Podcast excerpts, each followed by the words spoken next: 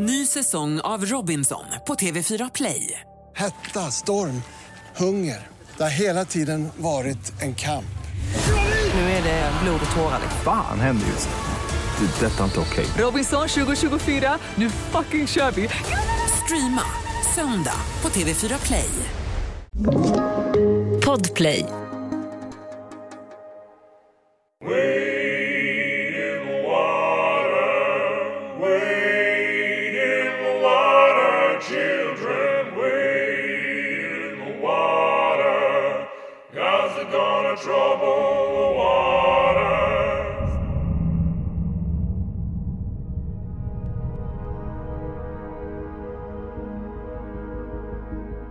På ren instinkt vänder sig Naomi om när hon går längs med perrongen i tunnelbanan.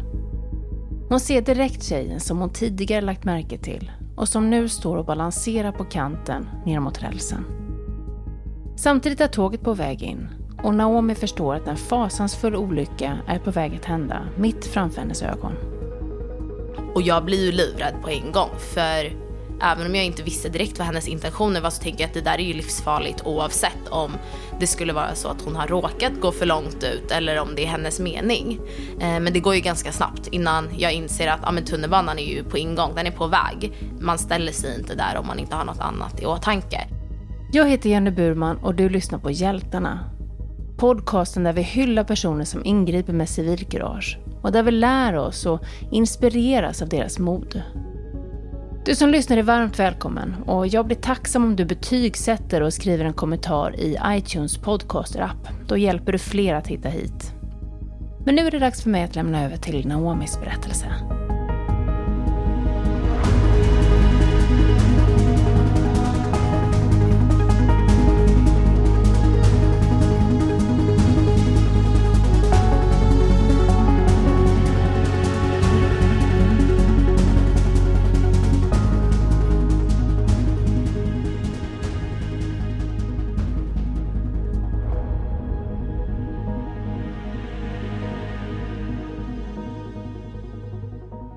Vi befinner oss i Hökarängen.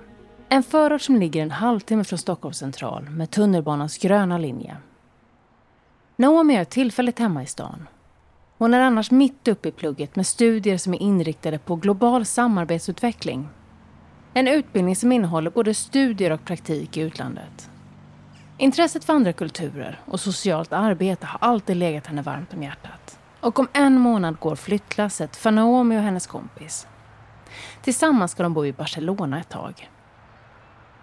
Fram till dess har tjejerna fått låna kompisens föräldrars lägenhet för att njuta av sommarlovet före avresa. Eh, och sen så hade vi bara tagit det lugnt, det var sommar, vi hade bara varit hemma liksom under dagen. Så eh, och sen så på kvällen så såg vi att våra kompisar var ute och så tänkte vi gå och möta upp dem men så ligger man hemma där bekvämt i soffan och så tänker man ska jag, ska jag inte. Och sen så till slut när det var några minuter bara kvar tills tunnelbanan skulle gå sa vi bara, men gud, vi går liksom. Så fick vi springa till tunnelbanan. Föräldrarnas lägenhet ligger bara ett stenkast från Hökarängens tunnelbanestation. De går igenom spärren och tar sikte på trapporna som tar dem upp mot spåren. Eh, och sen när vi är på väg upp då mot perrongen så går vi förbi en tjej som står, ja, men hon står lite i vägen där för dörren när man går ut. Så hon var mitt i vårt synfält. Eh, och jag reagerar direkt på att hon ser väldigt ledsen ut. Det är det här att kolla ner i marken, håret framför ögonen, lite så här hängig stil. Och hon, så, alltså hon, hon såg bara lite nedstämd ut helt enkelt. De lägger båda märke till den långa smala tjejen i 20-årsåldern som de passerar. Men i tysthet gör de samma bedömning. Att även om inte allt verkar hundra finns det ingen anledning att gå fram och fråga hur hon mår eller om något har hänt. Tjejerna tar sig ner mot perrongen och konstaterar nöjt att de hunnit i tid. Det är en minut kvar tills att tåget ska rulla in. När vi har hunnit gå liksom på halva perrongen så stannar vi för det är där vi skulle vara helt enkelt. Och sen så ser man ju redan hur tunnelbanan börjar komma då från ganska långt bort. Eh, men sen så är det bara någonting i mig som känner att jag måste vända mig om. Och det kan ju vara så att man känner att någon tittar på en eller att det är någonting som händer bakom. Det kan vara ett ljud, vad det nu var. Men jag kände bara att det är någonting som händer bakom mig. Så jag vände mig om helt enkelt. När hon vänder sig om känner hon direkt igen det kortklippta håret och den långa smala siluetten från tjejen som de precis har passerat. Och hon står extremt nära kanten. Eh, hon står liksom långt förbi det här vita så det är som att hon står och tippar liksom på kanten till, eh, till perrongen helt enkelt. Och jag blir ju livrädd på en gång för även om jag inte visste direkt vad hennes intentioner var så tänker jag att det där är ju livsfarligt oavsett om det skulle vara så att hon har råkat gå för långt ut eller om det är hennes mening.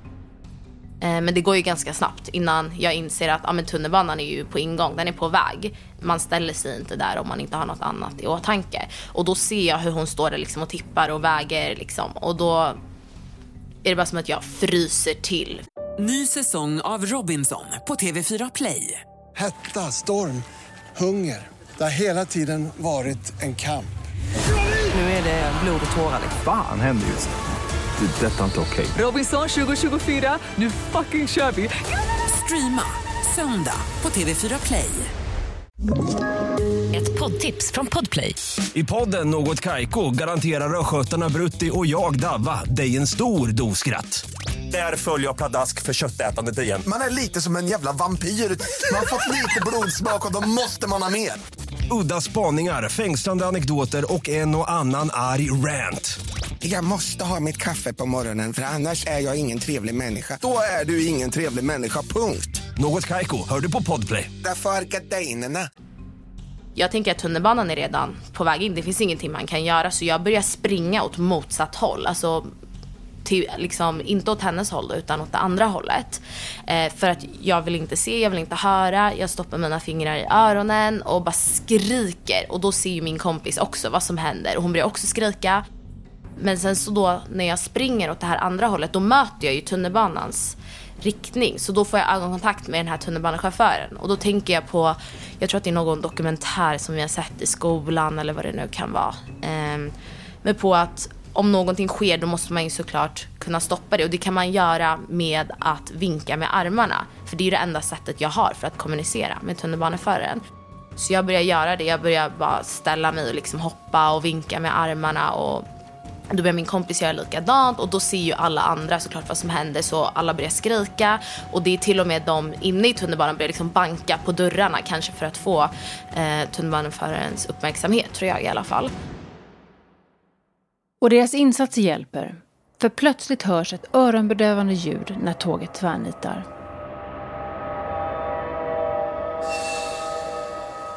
De sista metrarna före tåget stannar skriker hjulen mot rälsen. Naomi vänder sig om. Kvar på perrongen, alldeles för nära kanten, står den unga tjejen kvar.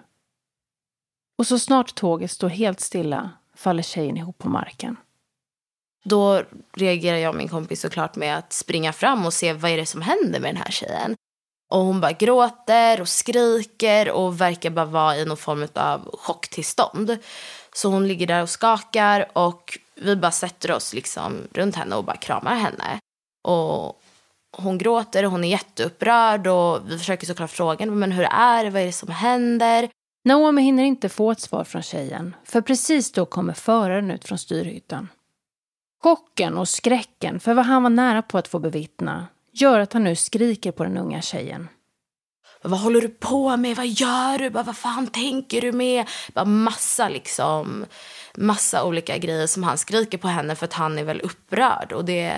Men kanske också är chock. Ja, ja, alltså självklart. Han är väl också jätterädd såklart inför vad som hade kunnat hända. Men det blev bara, det blev bara för mycket liksom, även för oss. Vi kan bara tänka mig hur hon kände sig. Så vi försöker liksom bara lugna ner situationen så mycket som vi kan och vi, vi säger nej men vi, vi tar med henne, vi sätter oss här vid bänken liksom. För det finns bänkar då på tunnelbanestationen. Så vi försöker få honom att förstå att du kan inte skrika på någon som är så upprörd just nu. Det kommer inte hjälpa. Så han säger att han måste ringa väktare eller att han måste ringa polisen för att han vågar inte köra vidare för han säger att det finns ju en risk att hon kommer försöka hoppa igen då. Självmordsförsök i tunnelbanan är tyvärr ganska vanligt förekommande. SLs trygghetscentral uppger att larmsamtalen ökar och under 2019 hindrades cirka 150 självmordsförsök.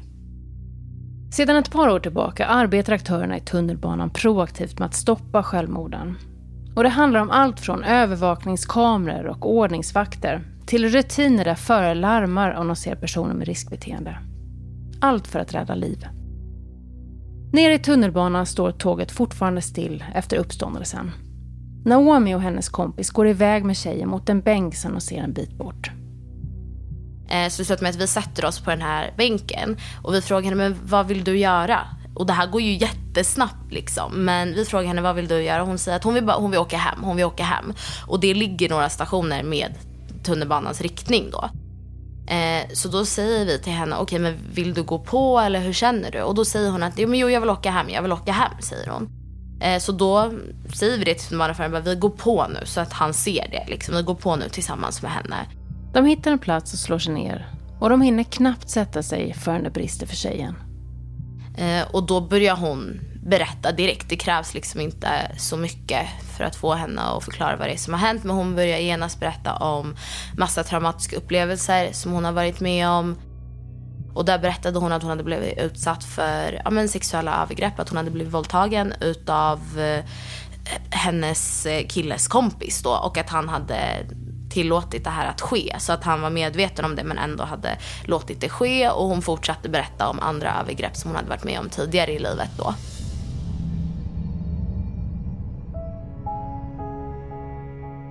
det var inte så svårt att förstå att hon var ja, men väldigt ledsen och upprörd. Och det här var ju inte det första tecknet på det. Det här måste ha gått ganska lång tid för att hon skulle komma till den här nivån. Och då ser vi också när vi sitter där och pratar med henne att hon har ärr över hela armarna och liksom blåmärken och allting. Och hon visar till och med. Hon säger kolla här knuffade han mig, här slog han mig och visar liksom.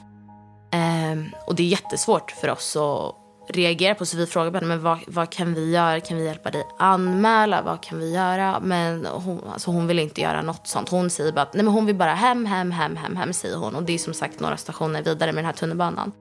För Noomi är det självklart att följa med tjejen och göra henne sällskap hem. Men efter bara två stationer stannar tunnelbanan på perrongen med dörrarna öppna. På håll ser de två väktare som söker igenom vagnen efter tjejen.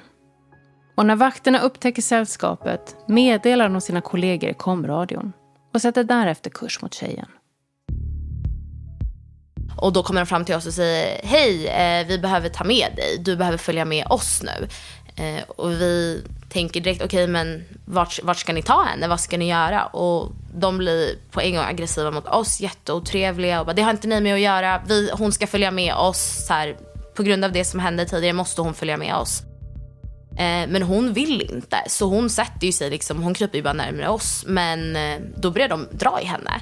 Så de försöker liksom ta tag i hennes eh, händer och börjar dra i henne. Men då blir det nästan som en dragkamp för vi försöker hålla kvar henne för vi märker att hon känner sig jätteotrygg med det här. Och de är ju inte trevliga i sitt bemötande alls utan de är ju aggressiva och de vill bara få jobbet gjort verkar det som. Eh, så vi försöker ju såklart prata med dem och det blir, alltså, det blir skrik i tunnelbanan när det är vi som ifrågasätter, men vad håller ni på med? Så här kan ni inte göra. De säger, nej men hon måste följa med oss, punkt slut. Det finns inte rum för att ifrågasätta eller diskutera det beslutet överhuvudtaget. Eh, men när vi märker att de kommer inte ge sig och att det här är ju ändå väktare så de måste ju ha någon form av ansvar för vad som sker i tunnelbanan så försöker vi ja, men, prata med tjejen och förklara för henne att det kanske är bäst att hon ändå får någon form av vård eller hjälp. Så på så sätt försökte vi väl ändå försöka tänka lite, tänka lite konstruktivt. Men vad, vad kan hända i situationen? Vad kan vi göra för att förenkla situationen så att hon kan få hjälp? För det är egentligen det som är fokuset. Eh, och då tänkte vi att de kommer ta med henne till någon form av eh, vårdinstans där hon helt enkelt kan få hjälp. Trots vakternas bryska tillvägagångssätt kan de ändå enas om att det bästa för tjejen är att de följer med vakterna. Vad var det som fick dig att liksom ändra uppfattning om de här väktarna som då från början var ganska ah, burdusa? Mm. när ändrade du uppfattning och vad var det som fick dig att ändra uppfattning? Jag tror att det var när vi började säga ifrån. Eh, då förstod de också att vi skulle inte ge oss. Vi kommer inte bara släppa iväg henne med liksom, det var en man och en kvinna som de har ju visserligen på sig den här väktaruniformen och det är ju en, en liksom form av auktoritet. Men samtidigt så innebär det inte att vi vet exakt vad de ska göra eller hur de kommer hantera situationen. Så jag tror att när de insåg att den här äh, auktoritära, vi bestämmer, hon ska följa med oss, punkt slut, att det inte fungerade och att vi ifrågasatte det.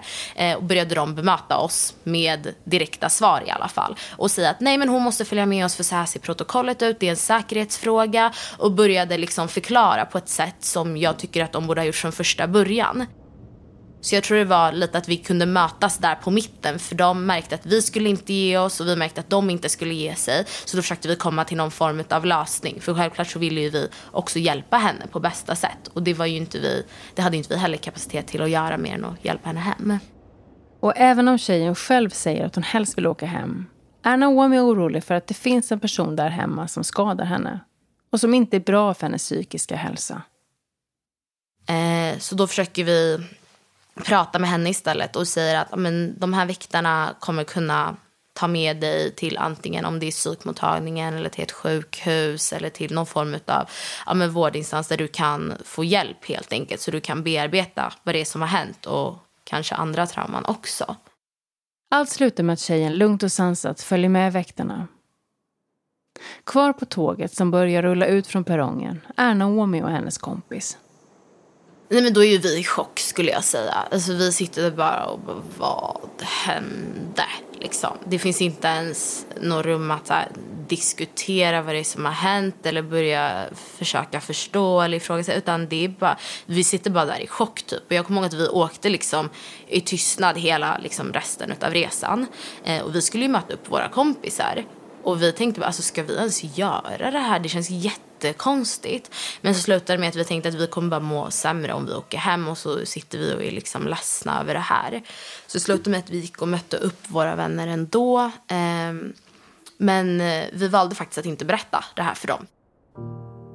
Det har däremot varit en stor trygghet att vara två om upplevelsen. Att kunna prata om händelser med varandra och tillsammans bearbeta vad de gått igenom. För det var en jobbig upplevelse som satte spår. Inte minst när de skulle hem på natten och första gången sedan händelsen åka tunnelbana. För det var ju jättejobbigt att åka tunnelbana efter det. Som jag har alltid varit en uppmärksam person. Jag har alltid haft koll på vad som händer i min omgivning. Men nu var det ju ur en helt annan ståndpunkt. Nu var det ju för att säkerställa att det inte händer något farligt runt omkring mig snarare än att vara nyfiken på min omgivning. Självklart så var ju det här traumat störst för henne men det blir ju också någonting för oss som vi kommer ihåg och vi kommer ju alltid koppla det till, koppla den här händelsen till till exempel när jag är på den tunnelbanestationen då är det ju omöjligt för mig att inte tänka på det. Eller om jag ser någon som ser ut som henne eller liksom det är ju någonting man alltid kommer komma ihåg. Så jag tror att det är en kombination av att det är svårt att förstå själv, eh, att det kan gå så långt men också att man känner kanske inte att man själv har rätt att prata om det för det är inte ens egen berättelse. När eh, började ni, eller berättade du för dina andra vänner om det här efteråt? Eller när, när skedde det i så fall? Jag tror faktiskt inte jag har berättat det för mina kompisar. Eh, däremot så tog det ett tag för mig, jag är väldigt nära min mamma. Eh, men det tog mig ett ganska långt tag att berätta för henne också för hon är väldigt orolig för min säkerhet på grund av just sådana här saker och hon vet att jag ingriper när något händer.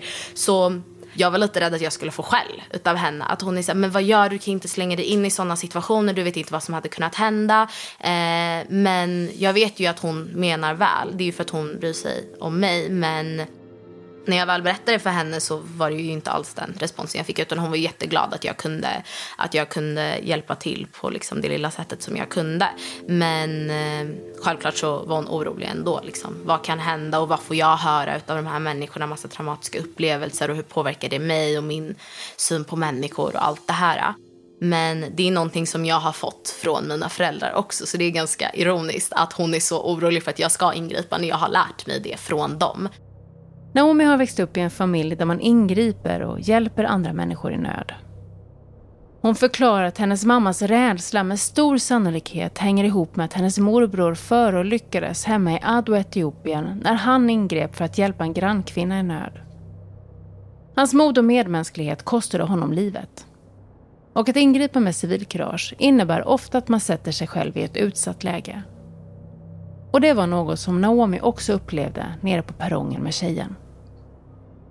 Alltså jag kommer bara ihåg att det var liksom mycket så här, Alltså folk som bara blev chockade och stod där och liksom stirrade. Jag tror att det här är den vanligaste grejen, att folk tittar men att de inte gör någonting. Och det tror jag känns jobbigt också.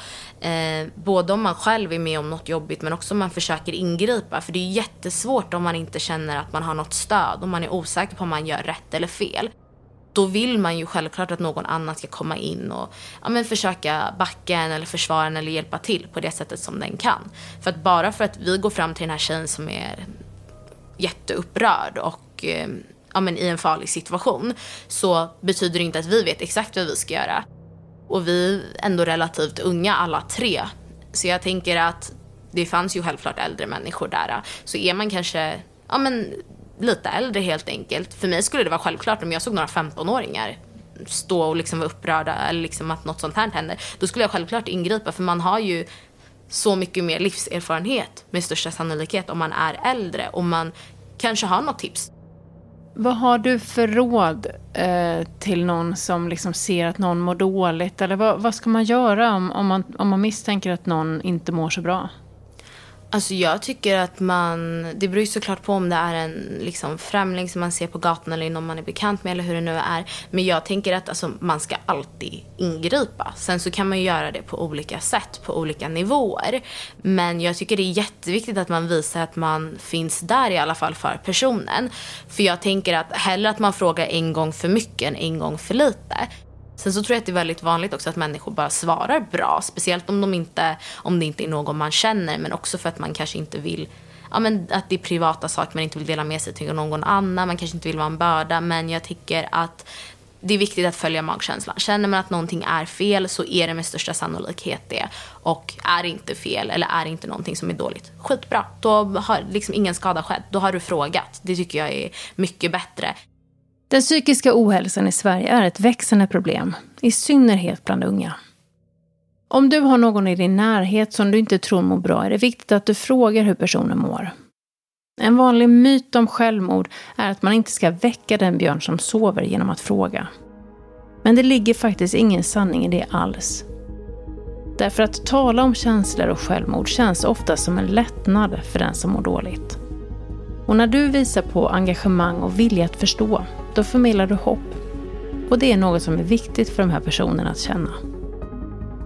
Behöver du få stöd så kan du ringa till Mind självmordslinjen på telefon 901 01. Tusen tack till Naomi som delade med sig av sina erfarenheter. Hör gärna av dig med tips på personer som du tycker ska vara med i den här podden. Mig når du på Civilkuragebyrån på Facebook eller Instagram eller på civilkuragebyrån.se. För klippmix och ljuddesign står Erik Magnusson. Jag heter Jenny Burman och jag hoppas att du vill lyssna snart igen. Hej då!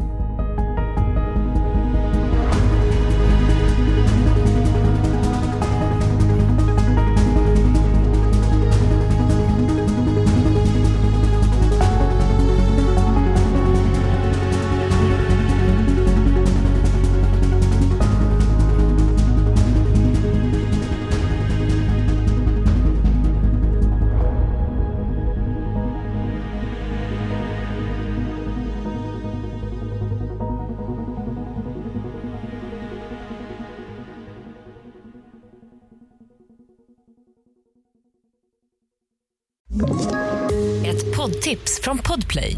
I fallen jag aldrig glömmer djupdyker Hasse Aro i arbetet bakom några av Sveriges mest uppseendeväckande brottsutredningar.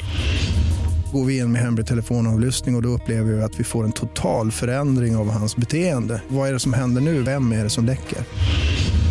Och så säger han att jag är kriminell, jag har varit kriminell i hela mitt liv men att mörda ett barn, där går min gräns. Nya säsongen av Fallen jag aldrig glömmer på Podplay.